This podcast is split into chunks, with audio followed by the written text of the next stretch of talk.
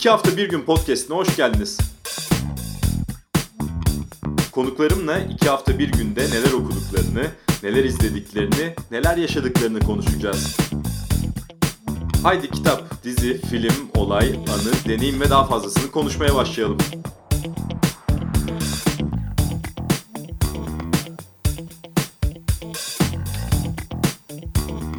Bir kitabı neden severiz? Mesela okurken keyif aldığımız için veya üslubunu sevdiğimiz için, akıp gittiği için, bizi öğrettikleri için veya bizi harekete geçirdiği için. İki hafta bir günün yeni bölümünde ele alacağım kitap İstanbul Gezi Rehberi bana bunların hepsini ve daha fazlasını verdi. Murat Belge'nin kitabı yayınlanmasının 27 yıl ardından bu podcast'te ele alıyorum. Murat Belge kitabın hemen başında çok kişi yaşadığı kenti çok az tanır. Bunun anlaşılır bir nedeni var. Nasıl olsa buradayım, bir gün gider görürüm tavrı diyor. Bu da çok doğru. Nasıl olsa giderim dediğimiz yerlerin farkına varabiliriz. Çünkü tam da o dönemdeyiz.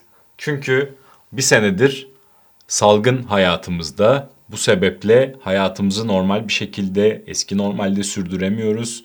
Yurt içi veya yurt dışı seyahatlerine çıkmakta zorlanıyoruz. Bunlar hayli zorlaştı, hayatlarımızdan eksildi. Belki de ben de bu kitabı okuduktan sonra şehre dönüp bakmanın, şehrin tadını çıkarmanın, şehri anlamlandırmanın tam zamanı diye düşündüm. Bu şehir hakkında daha fazla okumaya da merak salmış oldum. Ve uzun süredir aklımdaki bir fikir üzerine de daha ciddi bir şekilde düşünmeye başladım. Öncelikle hepimizin İstanbul'a karşı çok daha olumsuz hissettiği günlerdeyiz. Bunun sebebi malum İstanbul pandemiyi geçirmek açısından çok kullanışlı bir şehir değil. Evlerimiz çoğunlukla geniş balkonlara sahip değil. Şehrin çoğu semti bu şehirde yaşayanlara büyük parklar, e, izolasyon kurallarına uyarak diğer insanlardan uzak durarak vaktimizi güzel geçirme imkanını sunmuyor. Çünkü İstanbul kalabalık bir şehir, e, çoğunluğu yoksul bir şehir. İstanbul'da salgını geçiren birçok kişi çok bunalmış durumda tabii ki. Ancak bu kitap bana yeniden bu kadar olumsuz düşünceler içindeyken İstanbul'un biricikliğini, belki de bakmayı unuttuğumuz güzel yerlerini, güzel yönlerini yeniden gösterdi. Belgenin öne çıkan mimari eserleriyle incelediği bölgeler Sultanahmet, Surlar, Aksaray, Eminönü, Cağaloğlu, Çarşılar Bölgesi, Vefa, Süleymaniye, Haliç, Zeyrek, Fatih, Karagümrük, Vatan ve Millet Caddeleri, Eyüp, Galata, Pera, Boğaziçi, Üsküdar, Kadıköy, Adalar, Fener, Balat. Şimdi düşünün bunlar okumakla, gezmekle bitecek yerler, bölgeler değil. Tüm bunların camileri, kiliseleri, çeşmeleri, türbeleri, sarayları, dehlizleri, sarnıçları, efsaneleri, gerçekleri, kısacası tarihiyle bir zamanlar dünyanın bir numaralı şehri olan İstanbul'da hikayenin asla son bulmadığını hatırlattı. Yine kitaptan bir alıntı yapalım.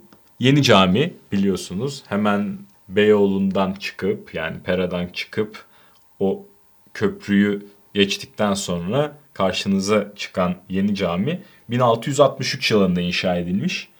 Ancak Murat Belge şunu hatırlatıyor. Ancak İstanbul gibi bir şehirde sadece 300 küsür yıllık bir yapıya yeni demek herhalde normaldir. Peki çok konuştuğumuz bir konu, benim de aklımı çok kurcalayan bir konu. İstanbul 2000'lerin sonu, 2010'ların başındaki parıltısını nasıl kaybetti? O günleri hatırladığımızda çok güzel anılarım var. E, hepinizin de biliyorum öyle anıları vardır. Nasıl oldu da bugün daha soluk bir İstanbul'la karşı karşıyayız? Bugünkü solukluk kalıcı mı yoksa geçici mi? İstanbul üzerine okudukça İstanbul ve Cumhuriyet tarihinin başından bu yana mesela Beyoğlu'nun iniş çıkışlarıyla var olduğunu görüyoruz. Veya yine Murat Belge veya Ahmet Hamdi Tanpınar'da okuduğumuzda bir nevi hatırlarsınız Woody Allen'ın Paris'te Gece Yarısı filmindeki gibi belki de her nesil kendi nostaljisiyle altın çağını anlatıyor. Bunlar okurken aklıma takılan sorular oldu. Murat Belge'nin kitabında tabii ki de birçok İstanbul kitabı gibi karşımıza bir mimarın İstanbul'u baştan imar eden, İstanbul'a o müthiş estetik mimari eserlerini kazandıran Mimar Sinan'ın imzası çıkıyor. Onun engelleri estetik güzellik haline getirebilme yeteneği sanatın ve sanatçının Tanrı ve imparator karşısında özelleşmesi ve özgürleşmesi. Öte yandan da giderek üslupsuzlaşan Osmanlı mimarisi. Yani şöyle bir durum var. 15. yüzyılda ve 16. yüzyılda yeni baştan imar edilen bir İstanbul var. Çok büyük bir heyecanla imar ediliyor ve çok güzel bir üslupla üsluba sahip Osmanlı mimarisi. Ancak yıllar geçtikçe o mimari özgünlük ne yazık ki kalmıyor. Ve bu kitapta yine öğrendiğimiz birçok bilgiden e, birisi de Sur içinde Ortodoksu dışındaki kiliselere yani Rum ve Ermeni milletleri dışındaki kiliselere izin verilmemesi. Bu sebeple Ortodoksluk dışındaki kiliseler Pera'da yoğunlaşmış durumda ve Murat Belge de bunları çok iyi bir şekilde ele alıyor. Onları benim anlatmama güzel olmaz. Zaten kitapta çok iyi bir şekilde Murat Belge anlatmış. Meraklılarını tavsiye edelim. Şimdi tüm bunlar üzerine 27 yılın ardından tabii insan bunu düşünüyor. Bambaşka bir İstanbul'a karşı karşıyayız. Murat Belge'nin kitapta anlattığı İstanbul'un bir bölümü artık yok. Bir bölümü baştan inşa edildi. Şehrin nüfusu artmaya, imar alanları kuzeye doğru genişlemeye devam ediyor. Yeni havalimanı, 3. köprü, hatta Kanal İstanbul projeleri bu amaca hizmet ediyor. İstanbul daha az yeşil.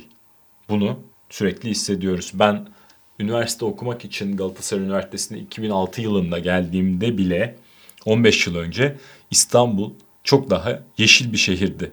İstanbul bu kadar fazla inşaata yenilmemişti. 1970'lerde inşa edilen apartmanlar şimdi kentsel dönüşümle yenileniyor. Her taraftan yeni inşaatlar yükseliyor. Tüm bu olumsuzluklara rağmense hala burası çok anlatılası, yaşanası ve anlamak isteyenler için hala çok heyecan verici. Murat Belge de İstanbul'u öyle bir coşkuyla anlatıyor ki İstanbul sokaklarında anıtları, semtleri büyük bir heyecanla ben de çıkıyorum şehrin sokaklarına ve elimden geldiği kadar dolaşmaya, anlamaya çalışıyorum. Bu nedenle de önce Kariye Müzesi'ne gitme fırsatı buldum. E, camiye çevrilmeden önce o eşsiz mozaikleri görmeye Karagümrük'te yürüyorum. Devam ederken Fatih'e doğru tesadüfen Mimar Sinan'ın Şehzade Camii karşıma çıkıyor. Akıl almaz güzellikte. Ve öyle bir güzelliği gördükten sonra da daha çok okumak istiyor insan. Daha çok gezdikçe daha çok okumak istiyor. Daha çok okudukça daha çok gezmek istiyor. Hemen yanı başında Burmalı minaresiyle Burmalı Mescit Camii var. Mesela Sultanahmet turunda Beyazıt tarafından yokuş aşağı meydana inerken 2. Mahmut Türbesi. Burada Sultan Abdülaziz ve 2. Abdülhamid'in de mezarları var. Kitabı okumasam belki solumda kalacak ve dümdüz aşağıya inmeye devam edeceğim. Ama bahçeye girdiğimde beni çok etkileyen mimariyle, beni çok etkileyen mimarlık harikası mezarlarla karşılaşıyorum. Ondan sonra yolumuz camiye çevrildikten sonra ilk kez Ayasofya'ya düşüyor. Ayasofya Anadolu'nun dört bir yanından gelen insanlarla dolu. Eskiye göre belki farklı ama hala çok güzel. Ondan sonra Topkapı. Tüm İslami, İslam tarihi eserleriyle dolu. Çok etkileyici. Ama o gün şöyle bir tweet atıyorum gezdikten sonra. Bugün Topkapı'da fark ettim. İstanbul'da artık yalnız turist olduğunuzda veya kendinizi turist hissettiğinizde mutlu olabiliyorsunuz diye. Buna bir cevap geldi. İstanbul'da yaşamayıp hayatın nasıl olduğunu soran tüm tanıdıklarıma söylediğim şey şu. Turistsen süper bir şehir. Değilsen anlatamam yaşaman lazım. Neyse ben bu kitap sebebiyle turlarıma devam ediyorum. Bir, bir, bir başka günde Beylerbeyi'ne geçip Beylerbeyi Sarayı'na gidiyorum. Buranın bahçesinde Fransız heykeltıraş Pierre-Louis Ruyer'ın heykelleri var. Bu heykellerle birlikte sipariş edilen ve Türkiye'ye gelen heykellerden birini çok iyi tanıyoruz. Hepsinin kardeşi olan, şu an Kadıköy'de bulunan ve simgesi haline gelen boğa heykeli. Benim saray bahçesinde en çok beğendiğimse umutsuz durumdaki geyik oluyor. Hem ismiyle hem de görüntüsüyle. Tabi İstanbul Gezi Rehberi söylediğim gibi insanı okumaya da teşvik ediyor ve o gözle bakınca insanın karşısına da bu tip okumalar çıkıyor. Bir arkadaşımın evindeyken kütüphanesinde Orhan Pamuk'un İstanbul Hatıralar ve Şehir kitabını görüyorum.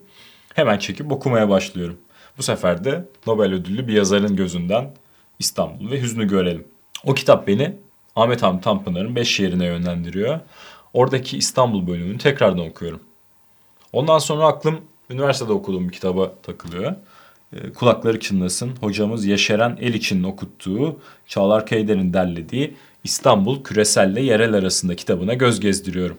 Böylelikle belki de İstanbul'da yaptığım seyahatlerle tırnak içinde turizme ihtiyaç duymadığım gibi yaşadığı şehri anlamak için çaba gösteren bir insana evriliyorum. Tabi bunun keyfiyle hemen Murat Belge'ye bir mail atıyorum ve anlatıyorum bu kitabın bana nasıl ilham verdiğini, hayatımı nasıl değiştirdiğini, pandemi döneminde bende nasıl bir heyecan yarattığını ve aklımda ne tür fikirler oluştuğunu. İsterse yayınlanmasının 27 yıl ardından üzerine sormak istediğim sorular olduğunu söylüyorum. Murat Belge de sorularımı yollamamı kabul ediyor. Bu podcast bölümünü Murat Belge'nin sorularıma verdiği cevaplarla kapatalım istiyorum. Bu bölümde katkısı olan Işın El içine, Murat Belge'yi seslendiren Işın El içine ve Murat Belge'nin kendisine sorularıma yanıt verme kibarlığı gösterdiği için teşekkür ediyorum. Kitapta 16. yüzyılda İstanbul'un dünyanın bir numaralı şehri olmasından bahsediyorsunuz. Bana öyle geliyor ki 2000'lerin sonu ve 2010'ların başında kent uluslararasılaşmayı başarmıştı. 2010 yılında hem burada Dünya Basketbol Şampiyonası düzenleniyor hem de İstanbul Kültür Başkenti oluyordu. Birçok restoran, bar, kafe, galeri açılıyor, nefis konserler düzenleniyor, kültür sanat alanında sürekli ilgi çeken şeyler üretiliyor, batılı yayın organlarında İstanbul yazıları peş peşe geliyordu. İstanbul'un yıldızı özellikle gezi olaylarından başlayarak adım adım soldu. 10 yıl öncesiyle karşılaştırırsanız daha az parıltılı bir İstanbul'la mı karşı karşıyayız? İstanbul özellikle Cumhuriyet tarihi boyunca içine kapalı bir şehir haline geldi. Bundan önce çok mu dışarı çıktı? Değildi ama bir kere nüfus bileşimi farklıydı ve Müslüman olmayan kesimlerin dışarıyla önemli bağlantıları vardı. Hani Donizetti'nin bir operası İtalya'daki ilk temsilinden birkaç ay sonra pekala Beyoğlu'nda Nahum Tiyatrosu'nda gene aynı İtalyan oyuncularla sahneye konabiliyordu. Bu önemli bir şey. Ve bunu ayak uydurmaya çalışan Müslüman Türk bir kesim de vardı. Bence Eczacıbaşı'nın Kültür ve Sanat Vakfı'nın çabalarıyla o hava yeniden yakalanabildi. Hem de çok daha yoğun ve sistemli bir biçimde. O tarihlerde de yazmıştım. İstanbul'un önemli bir kültürel sanatsal tüketim ağı kurduğunu ama bunun henüz bir üretim ağına dönüşmediğini ve ancak devam ettirildiğinde dönüşebileceğini. Bugün de böyle düşünüyorum. Ama 2000'lerin başından beri Türkiye AKP iktidarı ile birlikte kendini bir kültür kavgası içinde buldu. Bu ortam her yerden çok İstanbul'u etkiliyor. Eski ve yeni simgeleri konuşursak aradan geçen zamanda Atatürk Kültür Merkezi yıkıldı ve yeniden yapılıyor. Gezi park olarak kaldı. Ayasofya ve Kariye camiye dönüştürülüyor. Taksim Camii'nin inşaatı bitmek üzere Çamlıca'ya devasa bir cami inşa edildi. Bu nasıl bir dönüşüm? Siyasi iktidar kendi estetik anlayışını her yerden çok İstanbul'da sergilemeye çalışıyor. Kariye ve Ayasofya'yı camiye çeviren zihniyetle Çamlıca'daki ve Taksim'deki camileri yapan zihniyet aynı. Bu zihniyet çerçevesinde hacim dediğimiz şey bir estetik nitelik. Etkili olmak için büyük olmak gerekiyor. Örneğin Çamlıca'nın sapa bir yer olduğu, pek fazla cemaat çekmeyeceği keyfiyeti önemli değil. Altı minaresi olması ve uzaktan bakınca büyük görünmesi yeterli. Taksim'deki cami de öncelikle yakınındaki kiliseden büyük olmalı. Milli Mimarlık Hareketi'nden beri bu alanda kayda değer bir dinamizm yoktu. Bu yeni hareketin ise olanları geçme çabası biçimini alan bir dinamizmi var ama bir estetiği yok. 27 yıl önce temiz, etkili, kültürlü, ilginç ve özgün bir İstanbul hala mümkün demiştiniz. 2021'de hala mümkün mü? İş işten geçti mi? Yüz binleri aşan bir nüfus İstanbul'u terk etti. Milyonları aşan bir nüfus İstanbul'a yerleşti. Ama böylesine travmatik bir değişim olurken İstanbul bir Akdeniz kentinin keyiften vazgeçmeyen havasını korumayı da bildi. Dış dünyanın ilgisini de çekmekten geri durmadı. Türlü mesleklerden insanların uluslararası toplantılarını yapmak için öncelik verdikleri bir kent oldu. Ancak Türkiye'nin benimsediği siyasi tutumlar bu popülariteyi yok etme potansiyeli taşıyor. Süre giden siyasi mücadelenin demokrasinin zaferiyle sonuçlanması ise hem yurt içinde hem de yurt dışında İstanbul'un enerjisini toplaması ve kültürel sanatsal üretici olarak öne çıkması sonucunu getirecektir. Bunun için zamanın geçtiğini ve yaşanan kültürel erozyonun geri dönülmez olduğunu düşünmüyorum. İki hafta bir günün bu bölümünün sonuna geliyoruz. Umarım İstanbul'la ilgili bu podcast yayını size de ilham kaynağı olabilmiştir.